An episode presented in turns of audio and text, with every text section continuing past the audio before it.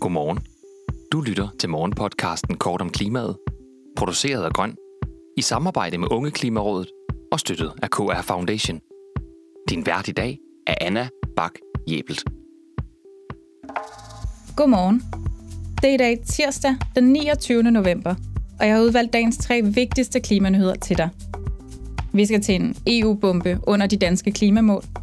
Så skal vi til kinesiske coronaregler, der tvinger landmænd til at destruere deres afgrøder.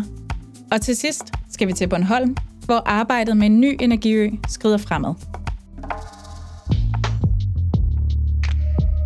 I dagens på forsiden starter vi i dag i Danmark. Det grønne forgangsland for klimahandling. Der nu står til at få gevaldige problemer med at overholde EU's nye klimakrav.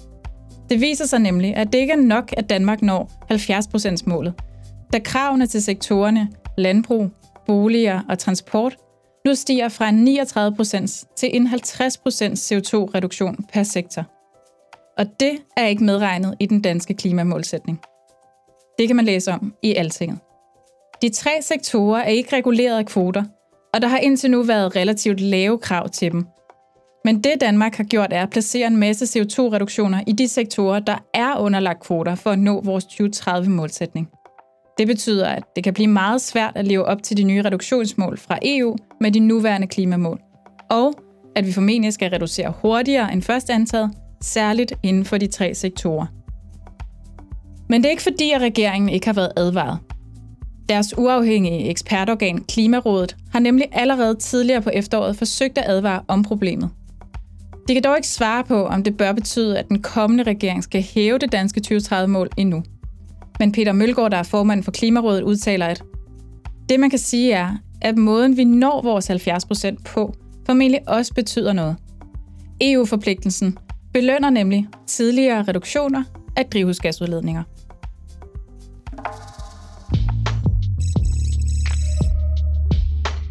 I segmentet under radaren skal vi til Kina, hvor de altomfattende coronaregler nu også er gået ud over det kinesiske fødevaremarked. Landets landmænd er nemlig blevet forhindret i at afsætte sine afgrøder, hvilket betyder, at de har været nødt til at destruere den seneste års høst for at gøre plads til næste års høst. Det betyder også, at landet lige nu forbereder sig på en situation med stor fødevaremangel.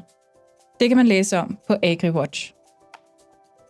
Med et allerede ustabilt fødevaremarked kan det have store konsekvenser for fødevareforsyningssikkerheden, ikke kun i Kina, men på globalt plan at store dele af den seneste kinesiske høst er blevet destrueret. Det kan føre til endnu højere priser på det globale fødevaremarked, fordi kineserne vil efterspørge flere udenlandske varer, hvilket i sidste ende kan føre til yderligere klimauretfærdighed. For allerede nu kæmper særligt ulande i det globale syd med at skaffe fødevarer grundet ekstremt vejr og mislykkede høster samt høje markedspriser på særligt korn og olie. Meget tyder derfor på, at vi ikke har set det sidste af en global fødevarekrise. Måske er det bare en forsmag på, hvad vi har i vente, som klimaforandringerne viser sig.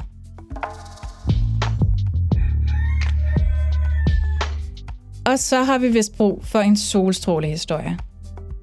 Den kommer fra Bornholm, hvor det tysk-danske samarbejde om en ny energiø er kommet et skridt videre. Det kan man læse om i Energiwatch. For det går heldigvis godt med samarbejdet mellem de to lande om både at få lagt kabler og at få etableret elanlæg til Energiøen. Og eftersom de to ting er hjertet af Energiø Bornholm, tyder meget på, at det store energiprojekt forløber planmæssigt og kan sikre, at Bornholm bliver et hotspot for udbygning af grøn energi fra havvind i hele Østersøen. Ifølge aftalerne skal Energiøen kunne levere 3 gigawatt i 2030, som både skal kunne transporteres til Tyskland og ud i Danmark. Tak fordi du lyttede med til Kort om klimaet. Vi har til og med på onsdag udsendelsen klar senest kl. 8. Hvis du vil høre den med det samme, så gå ind på vores feed på kortomklimaet.dk.